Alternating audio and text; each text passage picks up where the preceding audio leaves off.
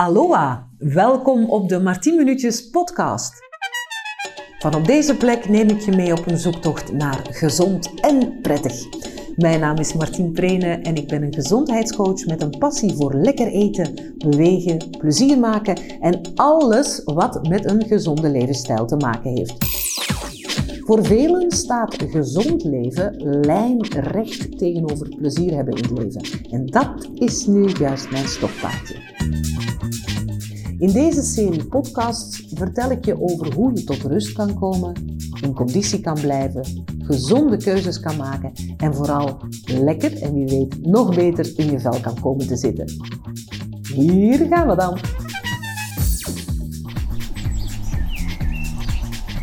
Welkom op Martiens podcast, aflevering 4. We zitten nog steeds met z'n allen binnen of in onze tuin en ja, sommigen komen daarvan tot rust, maar bij anderen werkt dat danig op de zenuwen, ook op de mijne. Maar toch denk ik dat we, wanneer dit alles achter de rug is, de stilte en de rust van coronatijden gaan missen. Onthaasten lijkt de sleutel tot rust in je leven, maar tegelijkertijd is het leven te leuk om zomaar los te laten. Want we willen werken, we willen ons gezin gelukkig zien, we willen leuke dingen doen, sporten, op school bijspringen, vrienden uit de nood helpen, lekker op een terrasje zitten met een goed glas wijn en heel impulsief gewoon ergens naartoe gaan en dan lekker neerploffen en een hapje eten. Maar de afgelopen maanden hebben we toch ontdekt dat de natuur onze ultieme resetplek is. Ik heb in mijn leven nog nooit zoveel gewandeld. Ik vraag me ook af hoe dat straks gaat gaan met al die lieve hondjes die hun bazen terug naar het werk zien vertrekken en zich afvragen hoe. En onze wandeling? Bij mij is het toch wel hetgeen geweest wat er me tot nu toe heeft doorheen geholpen om positief te blijven en creatief te kunnen blijven denken. Mezelf als het ware heruitvinden. Maar ik moet ook heel eerlijk bekennen, in het begin was ik best wel blij met die corona. Dat was vorig jaar in maart. Het was toen lekker weer, we zaten heerlijk in de tuin en we hadden nog nooit met het hele gezin zo lang, tussen aanhalingstekens, vakantie gehad. Maar toen begon toch de angst en de paniek toe te slaan om me heen. Ik zag bedrijven die moesten sluiten, werkgevers die dreigden failliet te gaan, mensen die angstig waren over het verliezen van hun baan. En ja, dat voelde ik ook. Ik voelde dat in mijn keel. Dat de angst die af en toe wel dichtkneep. Het is heel ongezond voor de schildklier. Men zegt wel eens dat de schildklier symbool staat voor jou beschermen tegen de buitenwereld, maar ook onderdrukken, wegstoppen, niet uitspreken. Ik heb zelf de ziekte van Hashimoto en dat is een auto-immuunziekte waarbij mijn eigen systeem eigenlijk mijn schildklier aanvalt. En ik kan naadloos teruggaan naar de tijd waarin ik mezelf door niet uit te spreken, ik mezelf letterlijk ziek maakte. En daarbij ook mijn schildklier. Ondertussen heb ik mijn schildklier heel goed onder controle. Ik neem daarvoor dagelijks een pilletje. En uh, alles gaat goed. Ik ben niet veranderd in een zwaarlijvige Martine. Dat gevaar was er absoluut. En ik heb rust gevonden. In af en toe nee kunnen zeggen. Mijn stem laten horen. En go with the flow. Hoe je dat zo doet, go with the flow, daar wil ik het tijdens deze podcast over hebben. En vooral ook hoe je loskomt van angst. In tijden dat het minder goed ging, ben ik tactieken gaan toepassen die ik heb geleerd van een paar wijze vriendinnen en vervolgens ook tijdens mijn opleiding. In Japan is er iets en dat heet Shinjuku. En Shinjuku betekent eigenlijk een bad nemen in het bos. De Japanners gebruiken bosbaden als therapie, omdat het bos een louterend effect heeft op je lichaam en je geest en Shinjuku je ook nog eens uit de snelheid van het leven haalt. Neem het niet te letterlijk. Het gaat niet over baden in een bad in het bos. Het gaat over je in het bos begeven. Als je gewoon met vrienden naar het bos gaat, dan stap je vrolijk en dan ben je aan het wandelen en aan het babbelen. En dat is ook heel fijn en heel gezellig. En het was de afgelopen maanden de enige manier om sociaal contact te hebben. Maar bosbaden werkt ook heel goed als je trager gaat stappen en als het ware in slow motion door de natuur wandelt. Want dan ontstaat er tijd om in te zoomen. op een wolkje dat voorbij vliegt, het licht dat op een tak valt, de geluiden, het voelen, het ruiken. Je kan het ook combineren met ademen, bijvoorbeeld in twee stappen inademen, twee stappen je adem vasthouden en dan in zes stappen uitademen. Het is een geweldige manier om uit je malende gedachten te stappen en te focussen op rust in je lijf. Te focussen op jou. Voor mij was dat eerst een hele moeilijke. Ik ben het type mens dat alles snel doet. Snel. Ik ga heel snel door de supermarkt. Ik kook snel. Ik uh, kleed me snel aan. Ik doe mijn make-up snel. Mijn hart klopt ook sneller dan doorsnee. En soms lijkt het zelfs alsof mijn hart uit mijn lijf wil fladderen. Meestal van vrolijkheid hoor. Maar ik heb daar proberen aan te werken en kan al een stuk rustiger al die dingen doen. Maar wat blijkt, ook mijn moeder en mijn zoon, wij hebben allemaal een iets sneller dan normaal of gemiddeld slaand hart. En toch is ons hart perfect gezond. Het zit zo'n beetje in ons DNA, kan je zeggen. Wij zijn snelle mensen. Maar zo tot rust komen in het bos, dat geeft toch een vertraging. En daar gaat zelfs mijn hart rustiger van kloppen. Het is wetenschappelijk bewezen dat wanneer je in de natuur bent, je brein anders gaat werken. Een ander deel van je brein neemt het over. Het deel waar we creatief denken en dat ook angst en stress onderdrukt. En dat was voor mij toch wel het meest louterende de afgelopen maanden en het meest leerzame, dat tot rust komen. Volgens wetenschappers zelfs binnen de 20 minuten, want dan treedt er een ontspannende reflex in je lichaam op wanneer je je omringd voelt door de natuur. Het schijnt zelfs dat posters met natuurfoto's en planten daarbij helpen. Dus hoppa, weer de zonsondergangposters op bounty-stranden aan de muur hangen zoals in de 70s. Of gewoon hip hang met een oerwoud erop. Je wordt daar dus rustiger van. En minder angstig. En minder gestrest. Het is volgens mij ook niet voor niks dat de planten- en bloemenbusiness momenteel booming is en er meer planten in huis weer hip zijn. Ze helpen ons doorheen corona, dames en heren, en ze hebben allemaal zelfs hun specifieke positieve effect op onze woonomgeving. Planten in je werk en nu dus ook je woonplek zorgen voor 20% minder stof, 50% minder bacteriën, 60% minder schimmels en je productiviteit en je stemming gaat erop vooruit. Absoluut een goeie dus. Ook in Japan is er al veel onderzoek gedaan naar die Shinjuku en wat blijkt, het doet de bloeddruk goed en de stresshormonen in je lijf dalen tijdens dat bosbad. Het is eigenlijk ook mindfulness. Een manier om meteen in het hier en nu te komen. Dat is eigenlijk onze ultieme plek om terug bij onszelf te zijn. En dat komt ook doordat we uiteindelijk allemaal natuurwezens zijn. We komen eigenlijk letterlijk thuis. En het leuke is dat bosbaden ook nog eens niks kost. Toch hebben we pas in corona ontdekt wat de kracht is van de natuur. Misschien omdat de natuur zo vanzelfsprekend is. En misschien ook omdat vele wandelen vaak associeerden met alternatief en saai.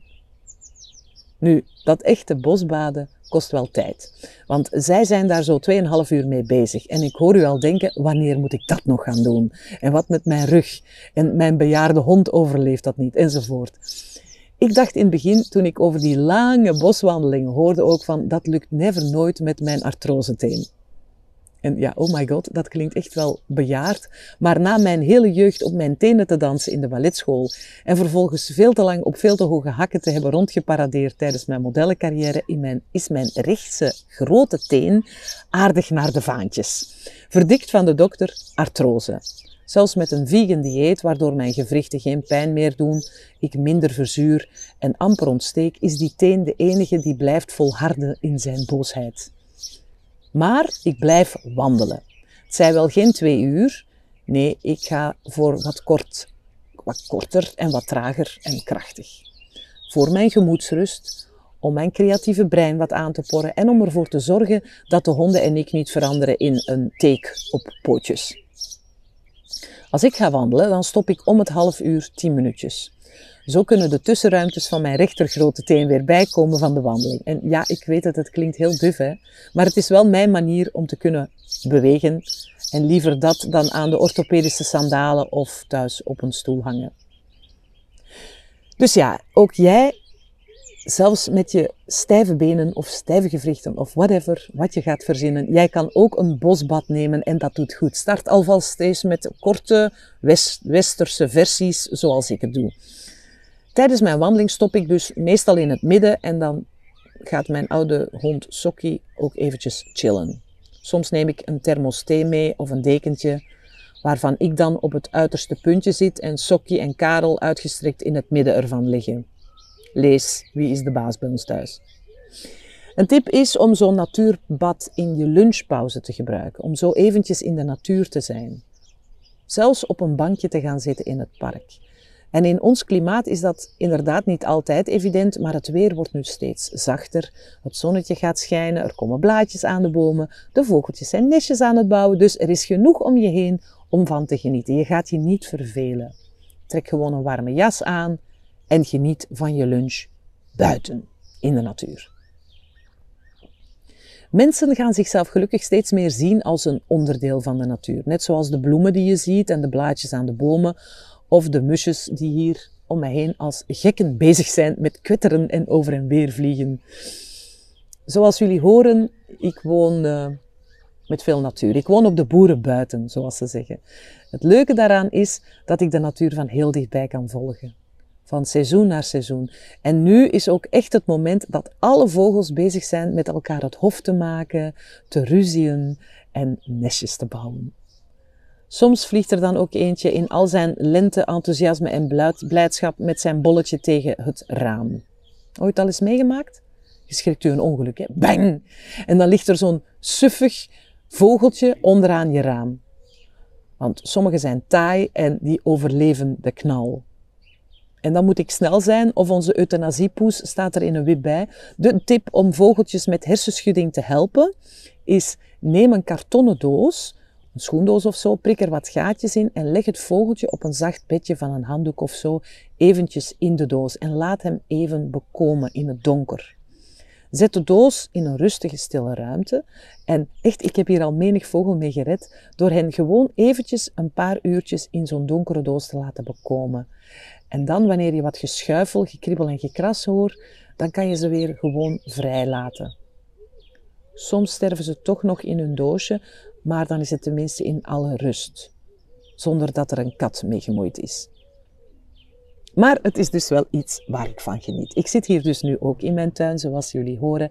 En elke dag ben ik zo dankbaar dat ik tussen de velden woon. Een keuze die ik jaren geleden heb genomen, omdat ik vaak mijn Duracell konijnenbrein maar niet tot rust kreeg.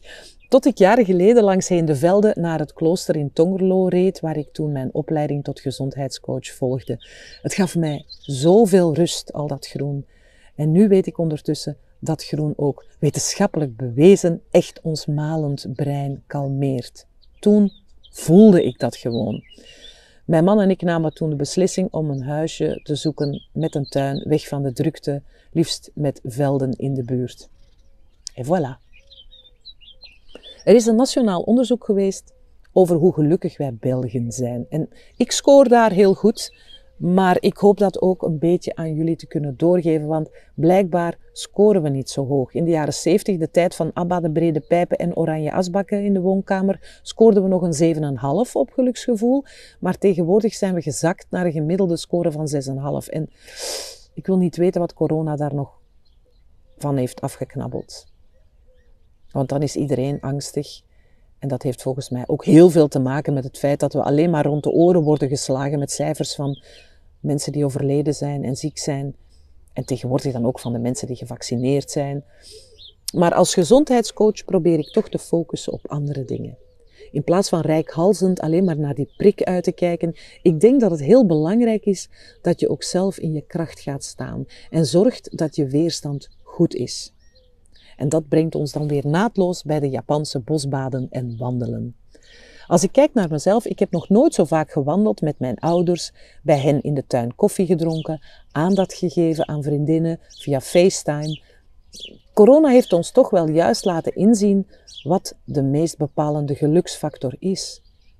Het feit dat het goed gaat met de mensen die we graag zien. Velen voelen zich eenzaam en gaan gebukt onder hoge verwachtingen, hebben het gevoel dat ze zichzelf niet kunnen zijn en zichzelf altijd maar moeten parkeren. Ik heb geleerd dat je om gelukkig te kunnen zijn moet voldoen aan het ABC van de psychologische basisbehoeftes. Dus goed in je vel zitten gaat over autonomie, betrokkenheid en competentie.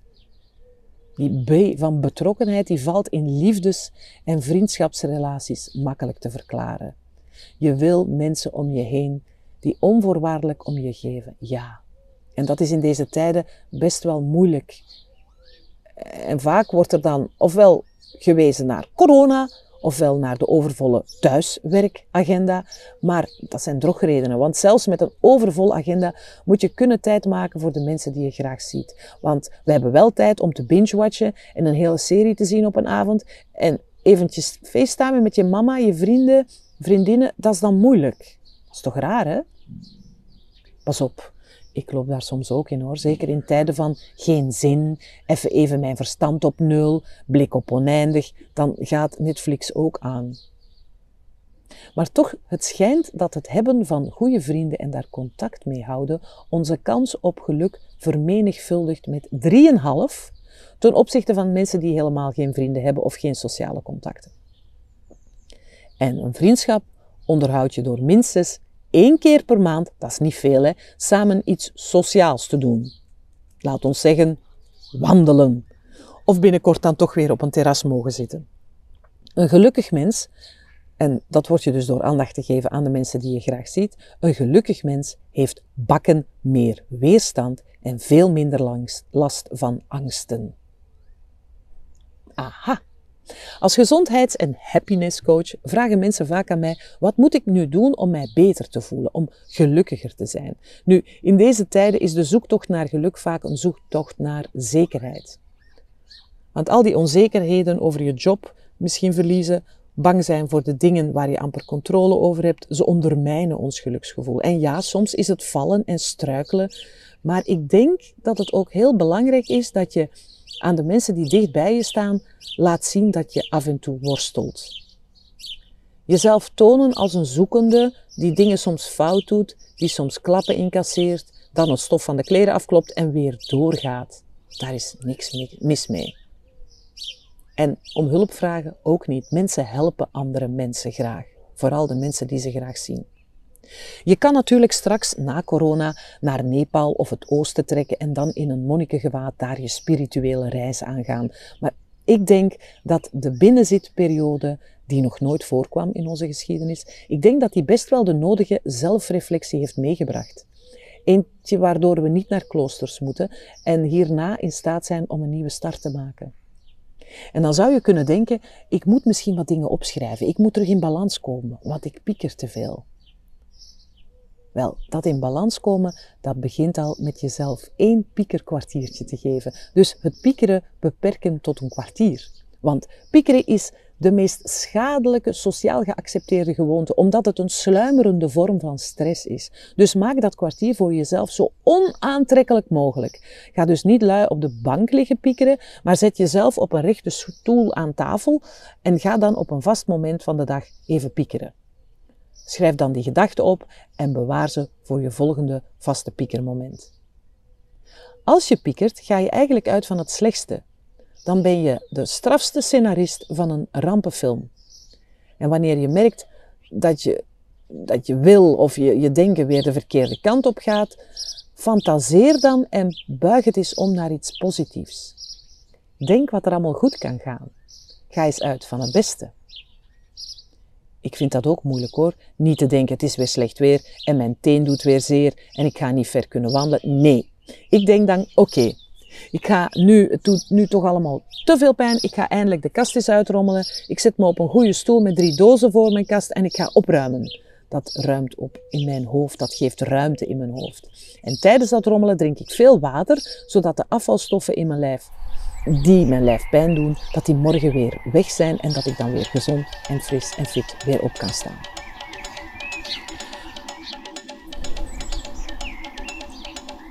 Een heel krachtige manier om piekergedachten in perspectief te zetten is door jezelf de volgende vraag te stellen. Maak ik me hier nu over een week of over een maand of over een jaar nog druk om? Hoe groot is dit probleem op de tijdlijn van mijn leven? Soms geeft dat echt een ongelooflijk helder inzicht. Als we negatieve gedachten hebben, dan proberen we die vaak weg te duwen, zo snel mogelijk. Dat is eigenlijk hetzelfde als niet mogen denken aan de roze olifant.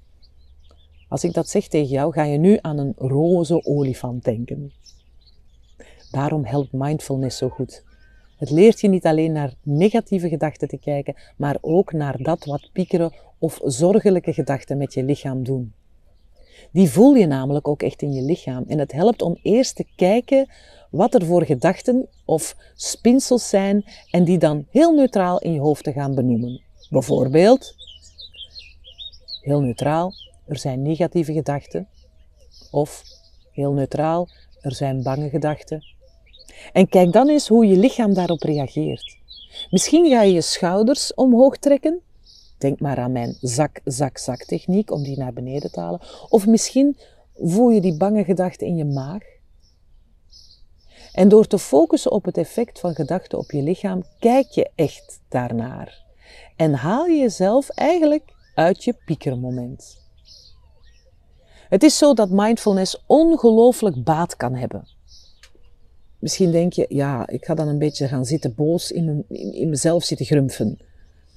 want dat is toch wat mindfulness is? Nee. Nog even over dat piekeren. Hè. Overdag is er vaak genoeg afleiding. Piekeren overvalt je meestal s'nachts. En deze tip helpt ook echt. Naast mindfulness is probeer het malen even af te zetten door gewoon aandacht naar je voeten te brengen. En te denken, oh, dat is mijn kleine teen. Dat is mijn volgende teen. Dat is mijn middelste teen. En in mijn geval kom ik dan uit bij mijn zere teen. Maar je komt zo ook wel uit je hoofd en dat helpt. Echt waar. Maar oké, oké, genoeg gebabbeld over piekeren. Laat ons focussen op de leuke dingen. Dus, want zo positief in het leven staan, dat zorgt ervoor dat je weerstand omhoog gaat. Hoe ongelooflijk is dat? Het is namelijk zo dat wanneer je lacht, je hele systeem gelukshormonen gaat aanmaken. En wanneer je vaak gelukshormonen aanmaakt, pieker je minder, maar dan verandert ook je immuniteit. Die wordt beter en sterker. Dus lachen is goed, hè?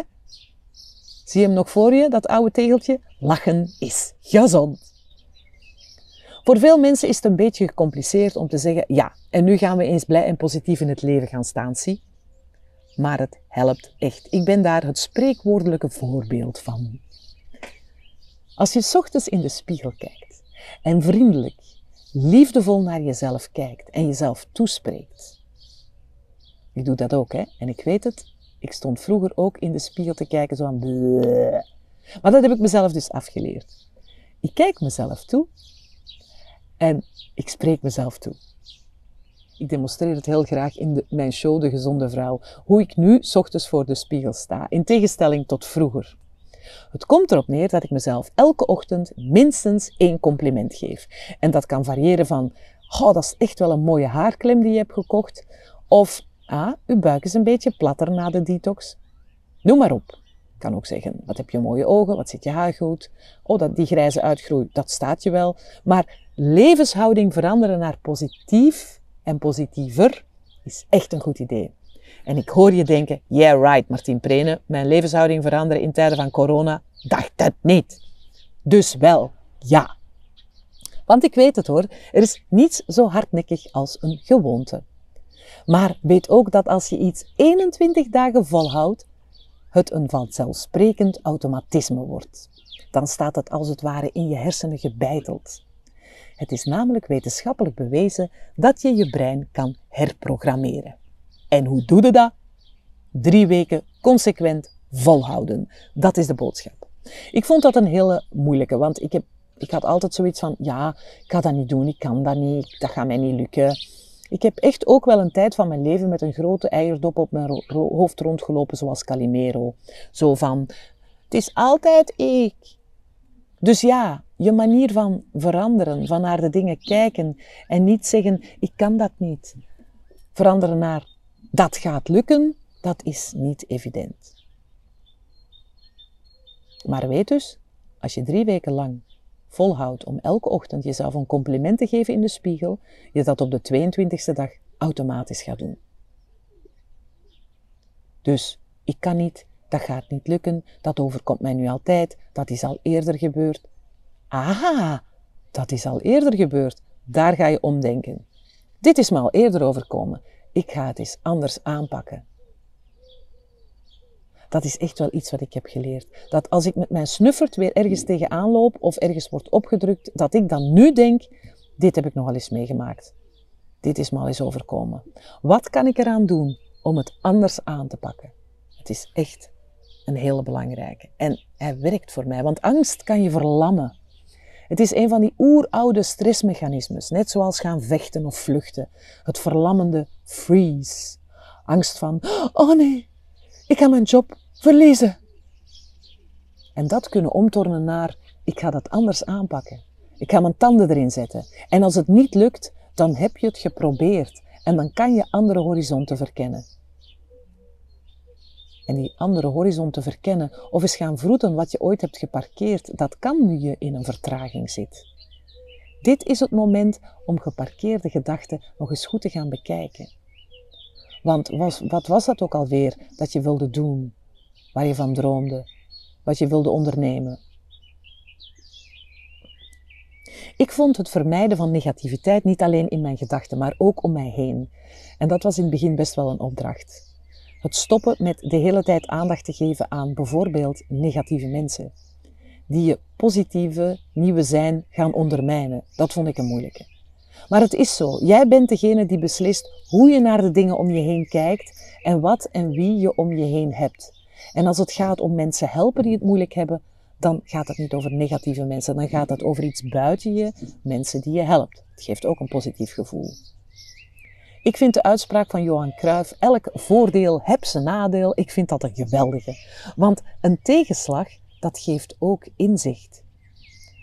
Toen ik ondertussen al zo'n dikke twaalf jaar geleden de boodschap kreeg bij de VRT dat mijn contract niet verlengd zou worden, was het in de eerste instantie alsof de grond een paar seconden onder mij wegsloeg.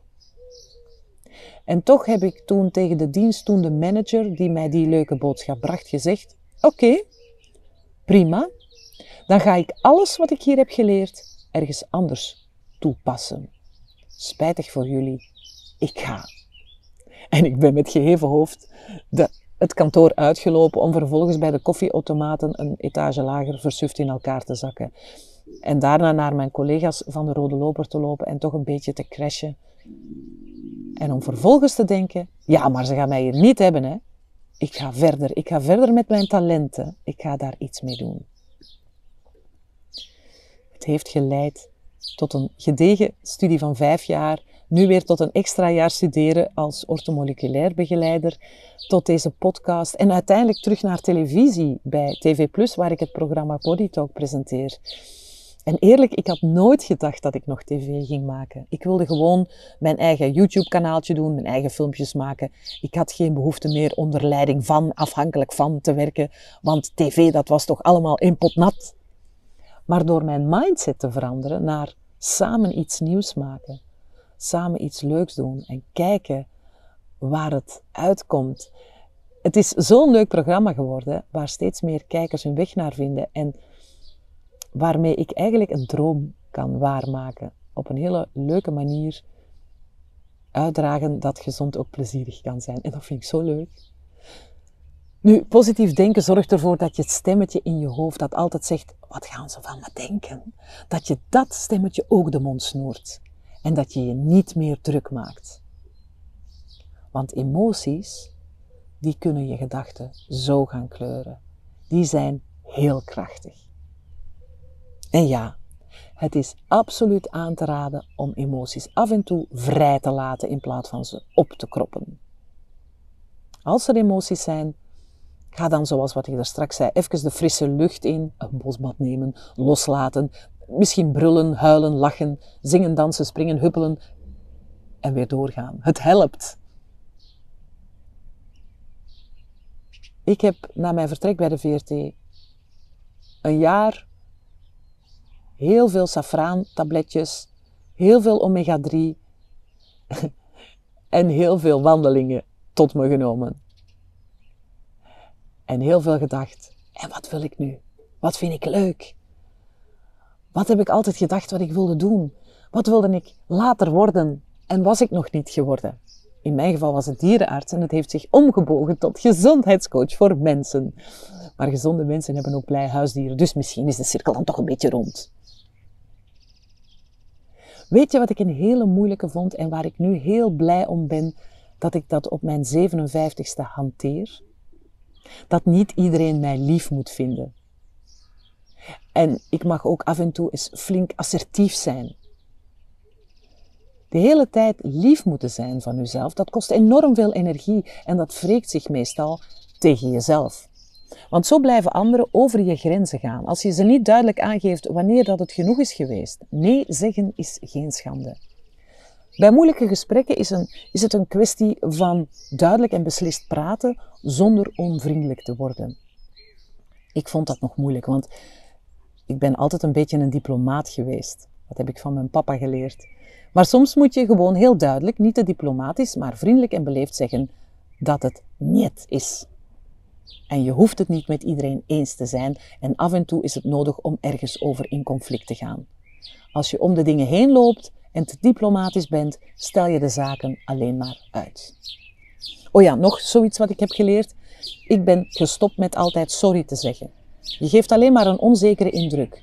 Natuurlijk moet je af en toe excuseren als je echt een fout hebt begaan, maar vele mensen gebruiken sorry bijna als een stopwoord en dat werkt dus niet. Het is heel belangrijk om het niet steeds te hebben over de dingen die je verkeerd hebt gedaan, maar om zeker te kijken naar de kracht in jouw talenten. Zelfvertrouwen. Dat is zo'n schone. De grootste cadeau die je kan meegeven aan je kinderen, maar ook voor jezelf. Bij mij is dat gegroeid met de jaren.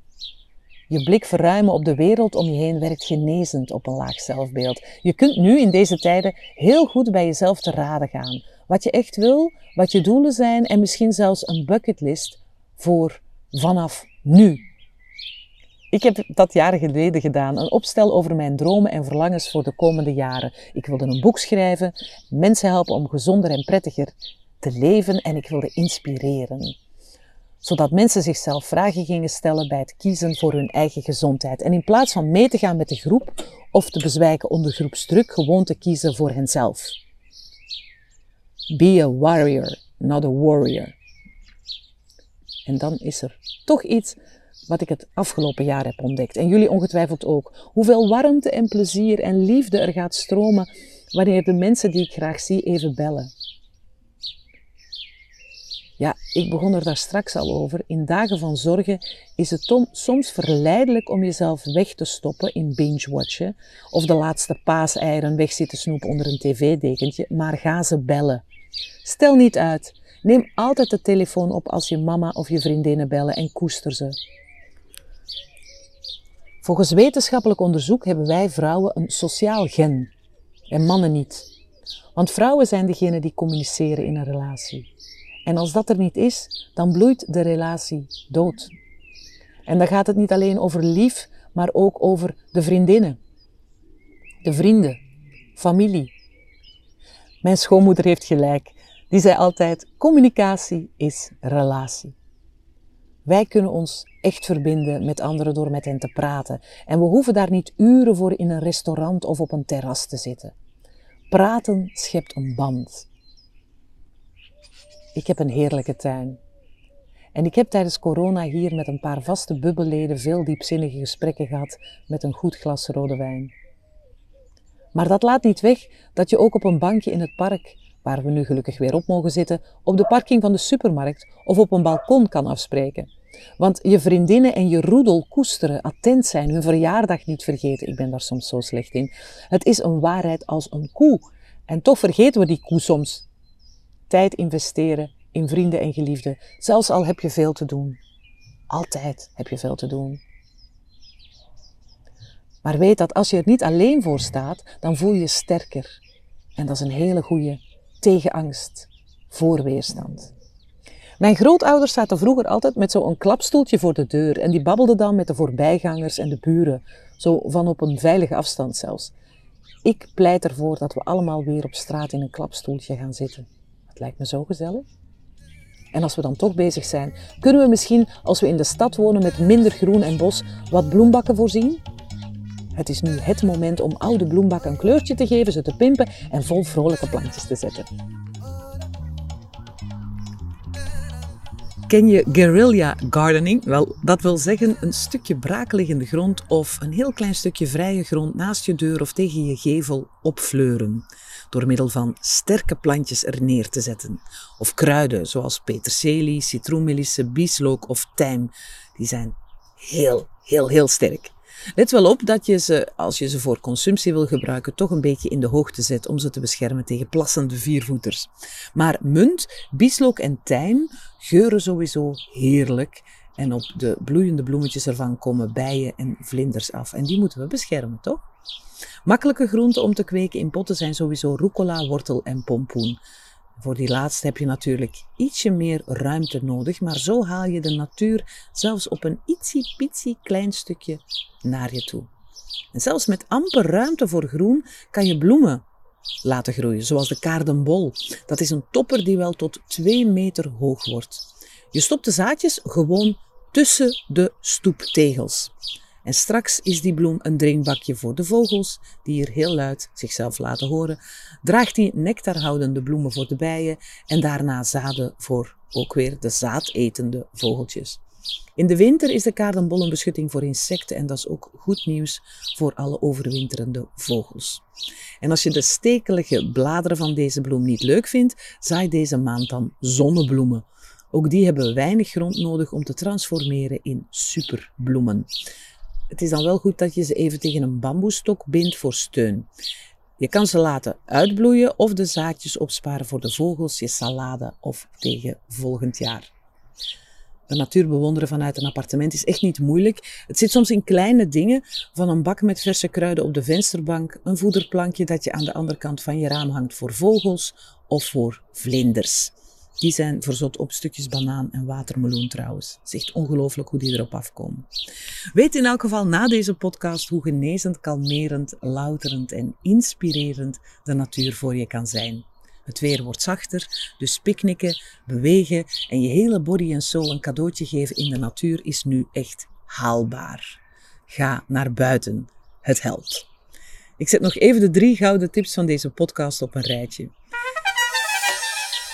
De natuur is ongelooflijk goed voor je weerstand en tegen angst en zenuwachtigheid. Onthoud, neem zo vaak je kan een bosbad. Wat was het ook alweer? Wandelen in de natuur neemt het creatieve brein het over en angst en stress worden onderdrukt. En echt alles is er daarbuiten om vanaf nu weer door te starten, flink vol energie en weerstand. Tip 2. Geef jezelf elke ochtend een compliment en na 21 dagen is het een automatisme. 3. Van lachen en contact hebben met de mensen die je graag ziet, hebt je angst en stress weg. 4. Als je de natuur niet regelmatig in kan duiken, creëer hem dan om je heen thuis, in je tuin of voor je deur en schaf jezelf een klapstoeltje aan. Zo, dit was hem. Martiens podcast nummer 4. Kom zeker ook eens piepen voor meer info, inspirerende filmpjes en mijn favoriete producten op mijn site www.martineprene.be. Schrijf je misschien ook ineens in voor de nieuwsbrief, dan mis je niks meer van wat ik post. En uh, ik hoop jullie de komende dagen nog te mogen inspireren met mijn mindful tips en tricks. Tot de volgende keer. Doei! Zo, deze Martien Minuutjes podcast zit erop. Hoop dat het je inspireerde. Snuister hier gerust nog wat rond om meer amusants en gezonds van me te beluisteren. En ik nodig je bij deze ook van harte uit op mijn site www.martineplene.be voor inspirerende filmpjes, gezonde tips en tricks en mijn gouden raad voor een nog prettiger leven. Bedankt om te luisteren en tot de volgende keer. Doei!